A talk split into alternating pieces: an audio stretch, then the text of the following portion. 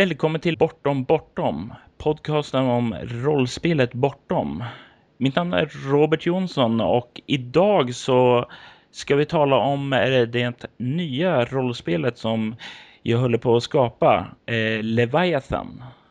Men till skillnad från eh, Bortom Lugnens slöja så är inte jag ensam om att skapa Leviathan utan med mig på detta äventyr så har jag även Kalle Odnoff.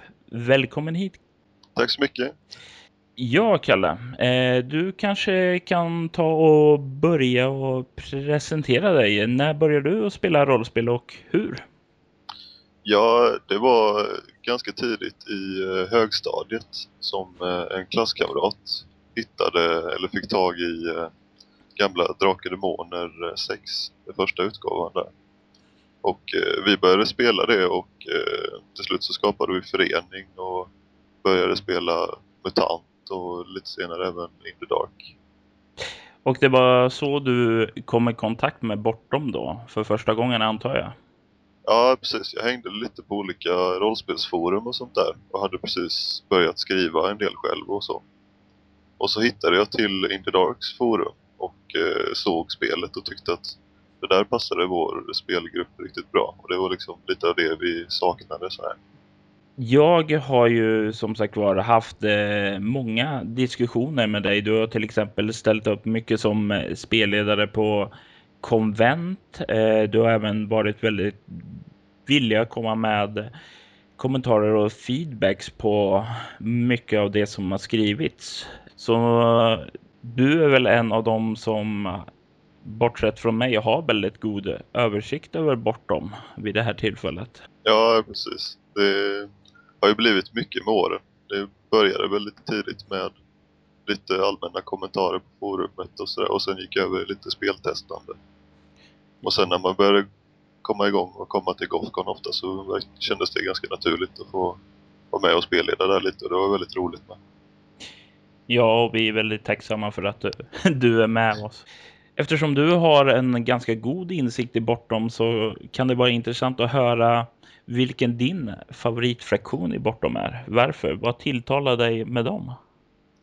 Ja, jag får nog säga att det är orden faktiskt. Jag kanske är lite skadad av att jag skrev eh, det dolda kriget eh, som kommer i Gaias hjärta va? Det stämmer alldeles utmärkt. Eh, ja. Och det dolda kriget kan vi ju säga för de som inte vet det, det är det står kort om det i grundreglerna, men det är alltså den eh, konflikt som handlar mellan orden och Fate. Ja, precis.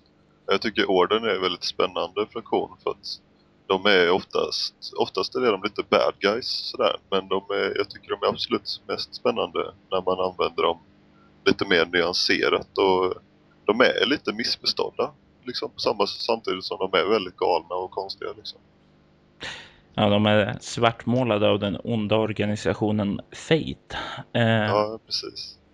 Då kan jag passa på att fråga dig, eh, vad var din drivande kraft då när du skrev om den här konflikten? Har du några inspirationskällor att dela med dig av?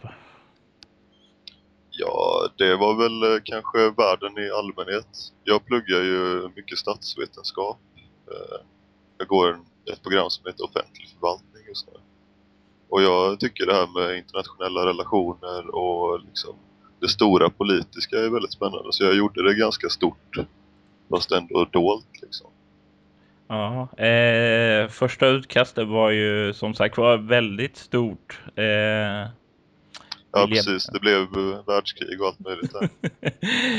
Eh, men eh, efter att skala tillbaka det lite så känns det som att det blir en ganska intressant levande sak om man vill inkorporera det dolda kriget i sin egen kampanj. Ja, precis. Det händer väldigt mycket i världen som bara, det kan ju dels bara ligga i bakgrunden och vara någonting som naggar liksom. Eller så kan man vara mitt i, mitt i det och göra det väldigt levande i, eh, i sin egen kampanj. Ja, precis. Eh, men om vi ska ta oss utanför bortom så kan jag ju också ta och ställa frågan. Vilket är ditt favoritspel som inte är bortom? Eh, man kan ju nästan gissa att det kanske är något science fiction-rollspel eftersom du är med och skriver Leviathan nu. Ja, faktiskt inte. Eh, just nu så skulle jag nog få säga att det är eh, Legend of the Fire Rings. Och för de som inte vet vad det är för sorts spel, vad är det?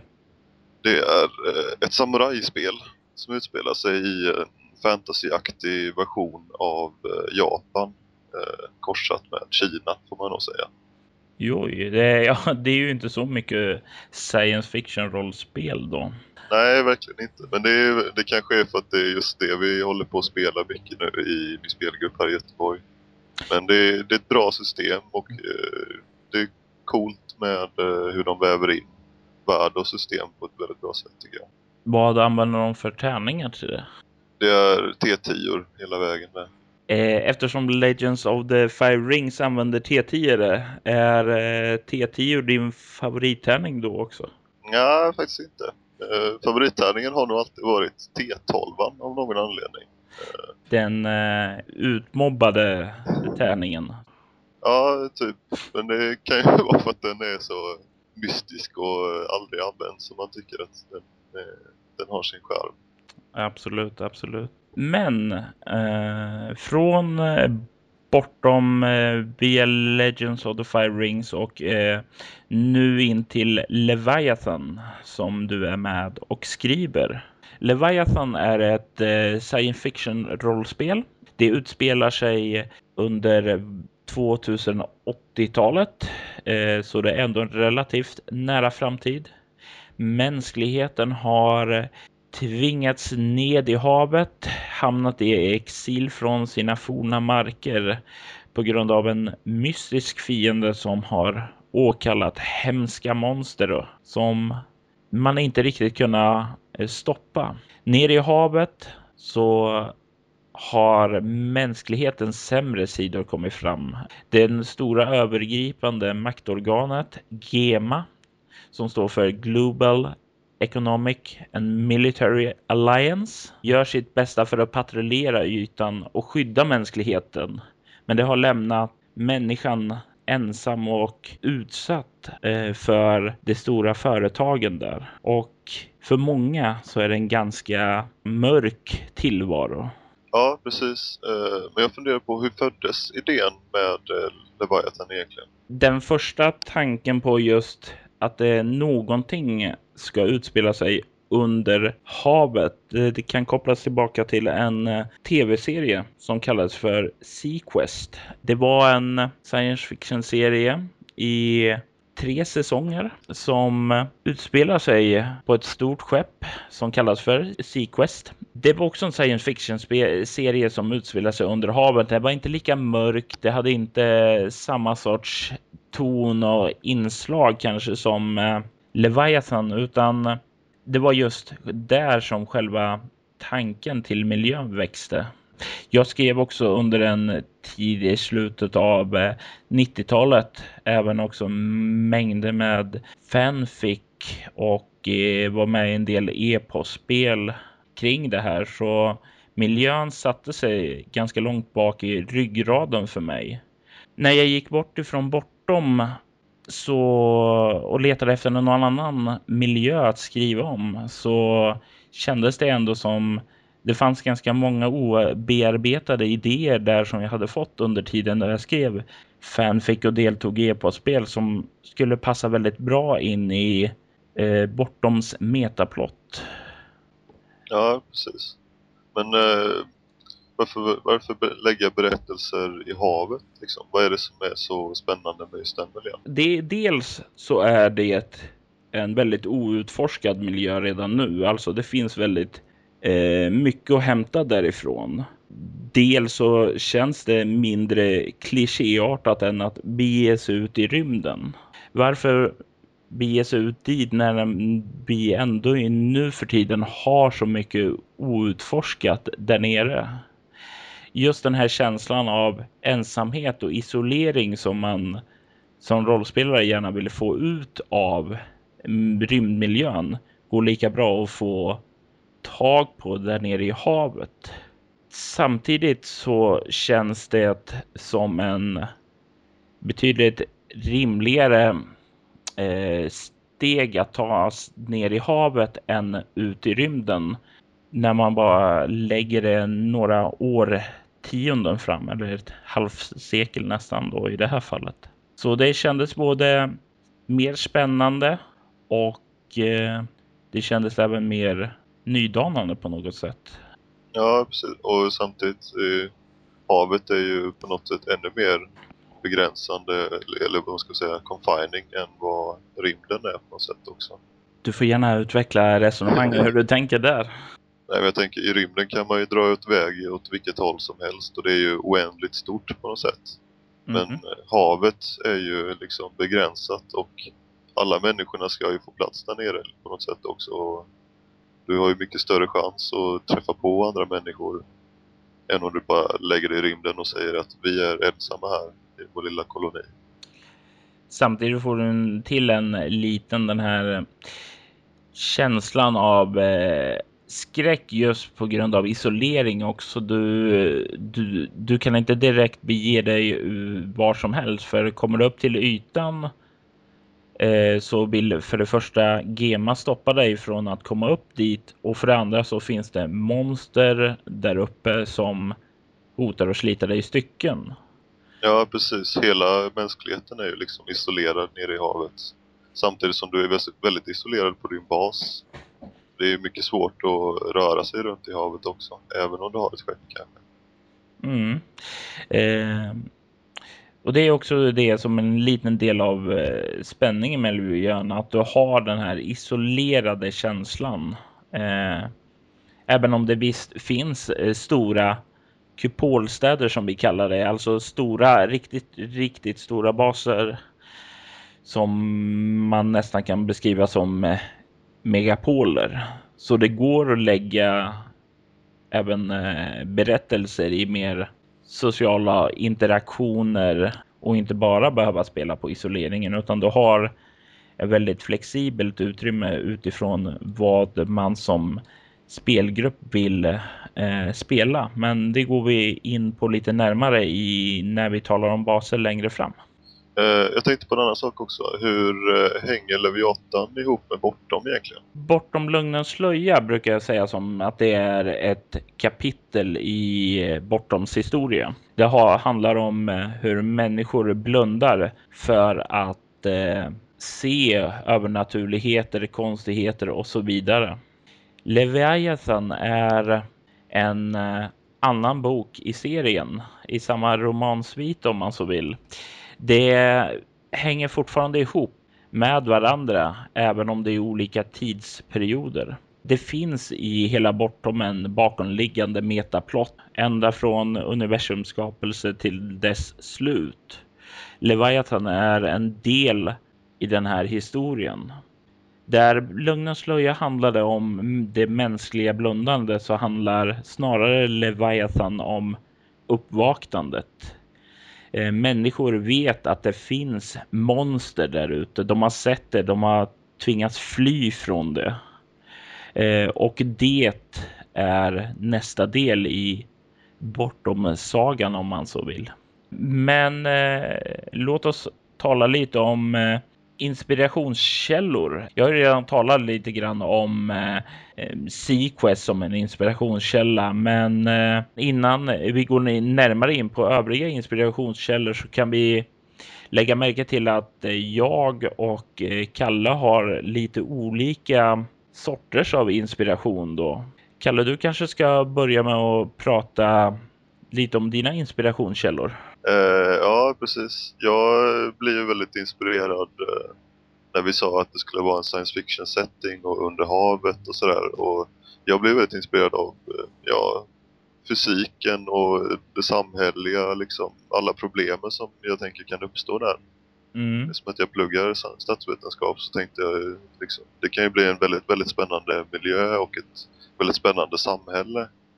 Samtidigt har man ju de här eh, problemen med att man bor eh, under vattnet där det är liksom sånt enormt tryck att om man skulle hamna ute så eh, liksom dör man direkt och det är kallt och det finns knappt någon mat och liksom allt sånt där. Så jag började titta, jag tittade mycket på naturprogram och kollade på så här, framtida eh, Eh, teknologier som man kanske skulle komma på och sådana här grejer och tänkte liksom, hur kan man lösa de olika problemen och blev väldigt inspirerad av just sådana grejer. Ja, och eh, eftersom du visade väldigt stor eh, intresse för just den där delen så fick du ju med sig en annan bieffekt, nämligen att eh, jag bestämde mig för att dumpa över all form av eh, teknik och vetenskapsfrågor på dig också. Ja, precis. Jag har väl fått eh, ta tag i den biten, även om jag aldrig har studerat särskilt mycket vetenskap eller naturvetenskap på det sättet. Men jag har ju pluggat mycket nu kan man väl säga, eh, på egen hand. Det är ju väldigt spännande så, så tycker jag. Ja, definitivt. Eh, så jag kan ju säga som personligen som så så är det ju att eh, ditt intresse för dig och dina djupdykningar där har ju definitivt tillfört lite grann. Ja, nu kanske väl realism är fel ord utan snarare trovärdighet eh, har adderats till samhället på grund av dina djupdykningar. Så jag får ta och tacka så väldigt mycket för det. Ja, det är ingen fara. Tack själv. Men det, det är väl klart, det har ju varit vår, vår målsättning att det inte ska vara totalrealistiskt spel utan det är inte det det fokuserar på. Utan, eh, men det är klart det hjälper mycket den här immersionen att man har en trovärdig värld. Absolut, det handlar ju att få världen trovärdig inom sina egna ramar. Eh, för om man försöker gräva sig ner i total realism så blir det snarare resultatet om man springer bort sig helt och hållet. Ja, precis. Det är lätt att gå vilse i det där och bli för petig, tror jag. Absolut. Men eh, om du skulle säga några specifika program eller böcker och så som du har sprungit på, är det någonting som du kan tipsa om då? Ja, det skulle väl vara eh, det som eh, något som du också har tagit upp eh, som jag vet vi har pratat om innan och det är Battlestar Galactica. Den science fiction-serien som har gått i väldigt många säsonger. Och den, den har ju den har mycket gemensamt i just känsla tror jag med, med Leviathan. Det har den absolut. Eh, det handlar ju om mänsklighet på flykt och hur eh, man under flykten eh, framkallar det absolut allra sämsta ur människor. Och det är ju någonting som stämmer väldigt bra in på miljön då. En annan sak som jag har som inspirationskälla just för hur baserna kan se ut och kännas. Det är från eh, datorspelen Bioshock 1 och 2. Rapture visar väldigt bra på hur en ganska storslagen bas kan se ut och även eh, hur eh, galna människor kan bli när de utsätts för isolering, ensamhet och eh, förfall på många sätt. Så det kan vara ett ganska bra material att hämta inspiration för till en Leviathan-kampanj. Ja, precis. Det är väldigt stämningsfulla spel samtidigt som de är mycket action. Så. Ja, precis. Och det är ju mycket möjligt att spela action i Leviathan samtidigt som du helt kan spela utan action.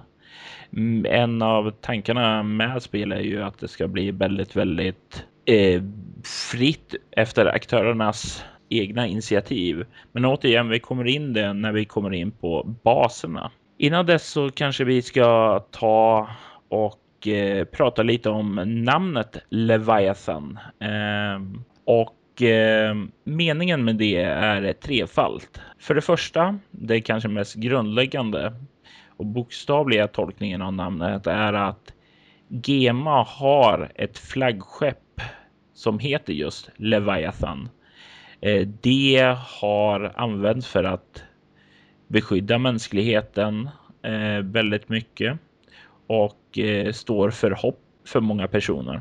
Det finns även en mer symbolisk betydelse, nämligen det monster som finns ovanför ytan. I Bibeln så finns det nämligen ett monster som kallas för just Leviathan och det här är det här namnet är en anspelning på just detta. Men det finns även en tredje och jag tänkte jag talar lite kort om det i podcasten Märklighetstroget med Tom Kirayi. Eh, men det är nog du som har bättre koll på det där än mig, Kalle. Så du kanske kan ta och berätta lite om den betydelsen. Leviathan var ju också en bok som skrevs av eh, Thomas Hobbes, eller Hobbes. Eh, den kom ut 1651 och Hobbes var en eh, en statsvetare kan man säga. Ja, han skrev en bok om naturtillståndet, som han kallade det.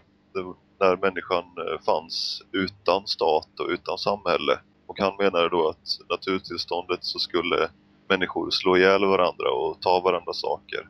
Det skulle vara ett allas krig mot alla. Och därför så behövdes eh, en stat.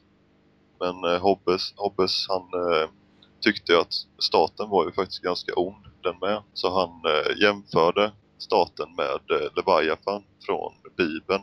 Som att han tyckte att det var som att kalla in ett monster för att mänskligheten skulle få skydda, skydda sig själv. Och det är ju därifrån eh, det kommer också, det här med Leviathan. Och det är en anspelning på, på Gema i spelet.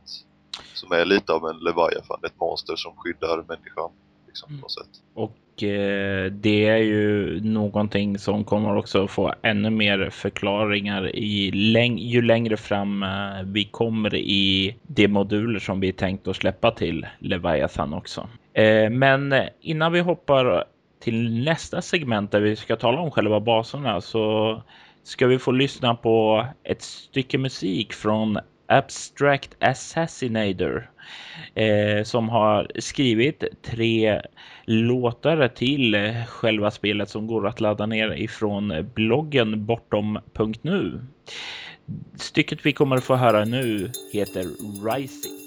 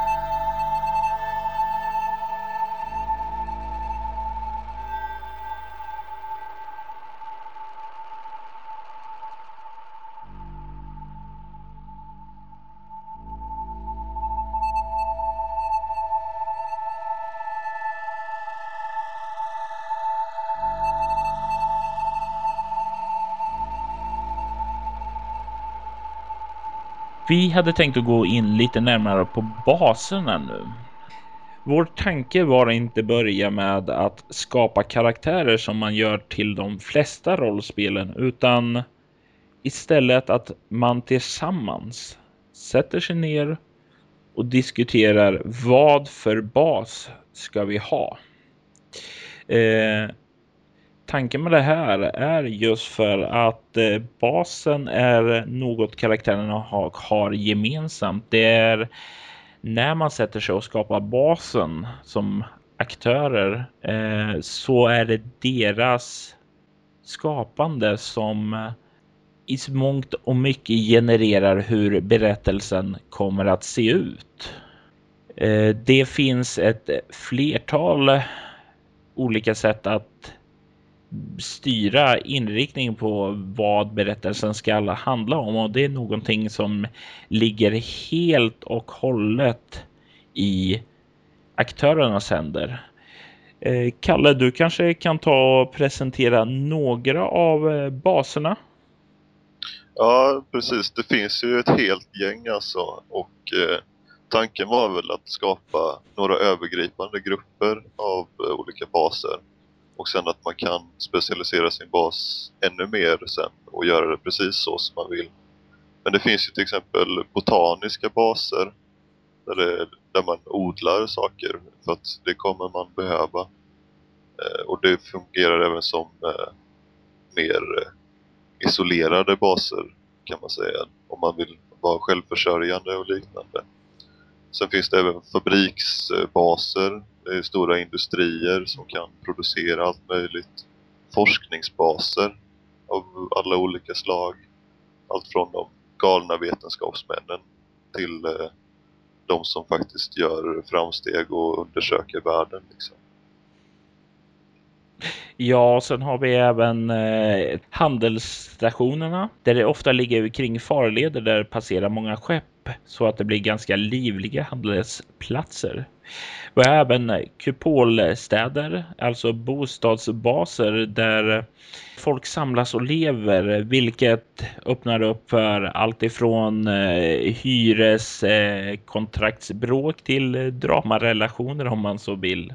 Utöver det så har man även eh, militärbaser där ofta GEMAs eh, soldater och säkerhetsstyrkor finns. Eh, även om vissa företag har sina egna. Och eh, vad har vi slutligen?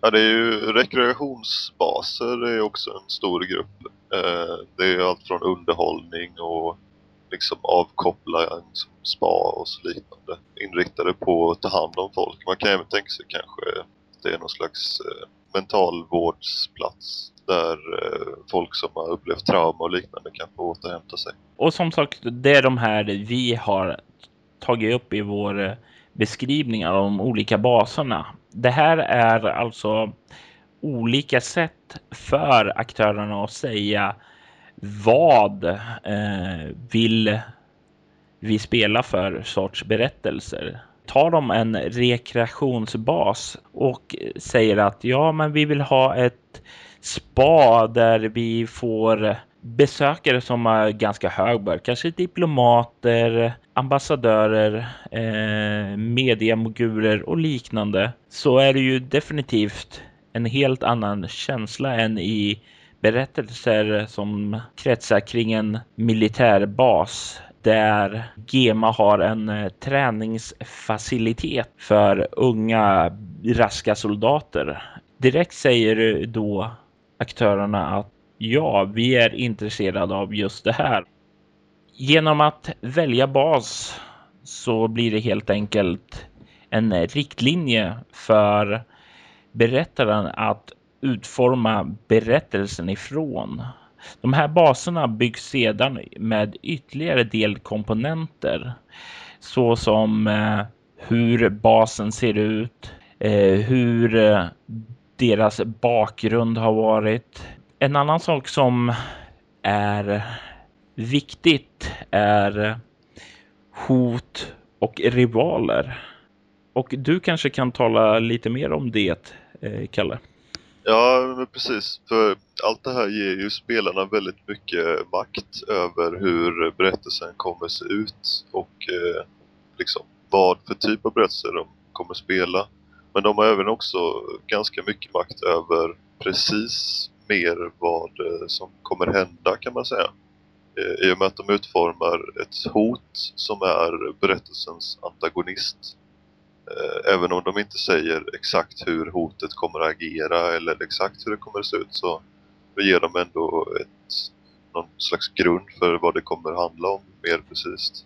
Och i fallet med militärbasen kan det vara helt enkelt så att eh, Gema har fått in ett rykte om att den här basen kommer bli anfallen av en armada av eh, mahariska skepp från ytan.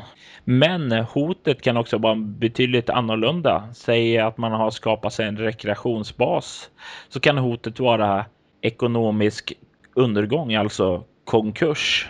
Och genom att välja sitt hot så skapar man en väldigt annorlunda stil på själva berättelsen också. Ja, precis. Och sen får man även ge lite extra smak genom att eh, beskriva två olika rivaler eller fler som eh, kommer vara konkurrera med eh, karaktärerna kan man väl säga. Absolut, eh, och inte bara konkurrera, de är ju ständigt horn i sidan till eh, karaktärernas bas, vilket gör att eh, de även blir mer sårbara för hotet. Det här är också en eh, del i själva berättelsen att eh, inte bara att övervinna hotet utan även att eh, ja, antingen besegra, konvertera eller lyckas distrahera bort sina rivaler. Det här är också en del av själva berättelsen hur man hanterar eh, sina rivaler samtidigt som man har ett övergripande hot. Eh, ignorerar man dem och låter dem hela tiden bli en liten påfrestning eller fokuserar man på dem och kanske tappar lite fokus? Så det finns eh, lite dynamik mellan en, ens rivaler och hot och hur man prioriterar sina eh, sin bas resurser. Och jag tänkte vi kunde ta upp var sina berättelsefrön som skulle kunna bli berättelser i Leviathan för att eh, visa lite grann på hur en berättelse kan se ut. Eh, Kalle, eh, du kanske kan börja med ett exempel. Jag har tänkt mig en handelsbas som är sanktionerad av GEMA och därför är väldigt stor och eh, ganska ensam i sitt område. En mycket, ganska viktig handelsbas med knutpunkt. Eh, och karaktärerna är på basen som spioner åt GEMA för att hålla koll på vad som händer i området och på själva basen. Och i det här så bara jag klart så är det inte så att berättaren sitter och bestämmer det här utan det här är alltså händelser som eh, aktörerna själva bestämmer över. Ja, precis. Hotet på basen är att en terroristgrupp kallad eh, Jordens barn som planerar att eh, åka upp till ytan och fånga ett ytmonster och föra med det ner till basen för att experimentera på den. Och eh, hotet blir ju alltså då att Gema får reda på att den här, det här monstret finns på basen och kommer dit och förstör basen för att den kan vara kontaminerad eller för att de vill på alla sätt undvika att monstret kommer löst. Eh. Och när vi då talar om hotet så är det ju som sagt sådant som kommer att ske i spel och det är det övergripande som du sa antagonisten i själva berättelsen blir då Gema. Precis. Det är ju att, att Gema får reda på detta och det är, det är ju en process som kan ta eh, olika lång tid också. Vilket passar bra ihop med eh, dramamätaren och sådär. Och den här dramamätaren kommer vi att eh, tala om i eh, nästa podcast av själva Leviathan. Men eh, kort sagt eh, kan den beskrivas som en eh, ett verktyg för att se hur berättelsen utvecklar sig, om det går bra eller dåligt utifrån vad karaktärerna tar sig till. Precis. Fick vi in en liten cliffhanger där också. Ja, eh, de har, karaktärerna har bestämt sig för att skapa två rivaler också. Eh, den ena rivalen är en grupp gemaforskare som finns på basen och som eh, trots att det är extremt olagligt också gärna vill ha tag i monstret och experimentera på det och därför kommer vara en pest för karaktärerna. Och den andra rivalen är monstret självt eh, som när det kommer ner på basen så kommer det kunna börja påverka folk och förstöra för eh, karaktärerna och andra. Och värt att säga då är ju också att eh, när vi talar om rivaler så kan ju de inte bara vara käppar i eller har du tur så kan du även få nytta av rivalen. Om du har riktigt tur så kan ju trots allt rivalen vända sig mot hotet och därmed bli allierad med en själv. Precis, det beror ju helt på hur karaktärerna agerar mot rivalen och vad de gör helt enkelt. Precis. Min berättelsefrö är lite annorlunda än din. Eh, jag har fokuserat mig på en botanisk bas med en grupp isolationister. Tanken är då att eh, aktörerna har sagt att ja, men vi vill ha en självförsörjande bas som helt är avskild från världen. Eh, rivalerna tänker, ja men okej, eh, då kanske rivalerna inte är några utifrån utan det borde vara några andra på basen. Så de hittar ju då helt enkelt på att eh, det finns två personer, Juno Seng och Vladimir Rostovich på basen med sina egna agender som vill ta över basen. Eh, Juno är, bestämmer om en ganska eh, idealistisk person eh, som vill öppna upp basen, utbyta kunskaper med andra baser eh, och går stick i stäv med karaktärernas egen vilja. Eh, Vladimir å andra sidan är väl mest kanske ute för maktens skull tycker de. Eh, han är, han är lite grann självisk eh, ingen idealist eller så. Det visar här på att eh, rivalerna inte behöver vara andra baser utan det kan helt enkelt vara vanliga personer som finns på ens egen bas som utmanar karaktärerna om makten också. Hotet i det här fallet väljer aktörerna att eh, det ska vara en mystisk okänd sjukdom som brutit ut på basen och håller på att döda växtligheten och det här är ju också eh, ganska annorlunda mot eh, en traditionell antagonist. Det är lite svårt att skjuta ihjäl en epidemi. Ja, men precis. Det är inte bara att gå fram med sitt stora svärd och hacka på. I det här fallet skulle sjukdomen som håller på att döda växtligheten vara, det är ju en rejäl fara för självförsörjandet. För utan all växtlighet så Ja, då kan eh, basen inte längre vara eh, isolerad utan de måste vända sig utifrån. Och då blir det med andra ord en helt annan form av eh, hotbild att bekämpa. Det handlar istället med att finna ett sätt att hantera den här växtliga epidemin. Det här hotet har ju då en helt annan klang än vad man kanske förväntar sig eftersom då kanske inte handlar om att bekämpa någon utan snarare handlar om att skydda sin egen bas, finna sätt att eh, be, behandla växtligheten och så vidare. Vad jag hoppas att eh, de här två berättelsefröna visar på är att det kan utifrån aktörernas egen fantasi skapa väldigt olika former av eh, berättelser utifrån både basen, rivalerna och hotet. Ja, precis. Karaktärerna eller aktörerna har ju väldigt mycket makt att skapa, forma det precis så som de vill och kan. Och sen lägger ju egentligen berättaren bara extra eh, smak eller flavor på det. Formar det lite grann, men det är i huvudsak aktörerna som gör grovjobbet på något sätt. Precis. Eh, berättaren eh, tar tillvara på de idéer som aktörerna själva har.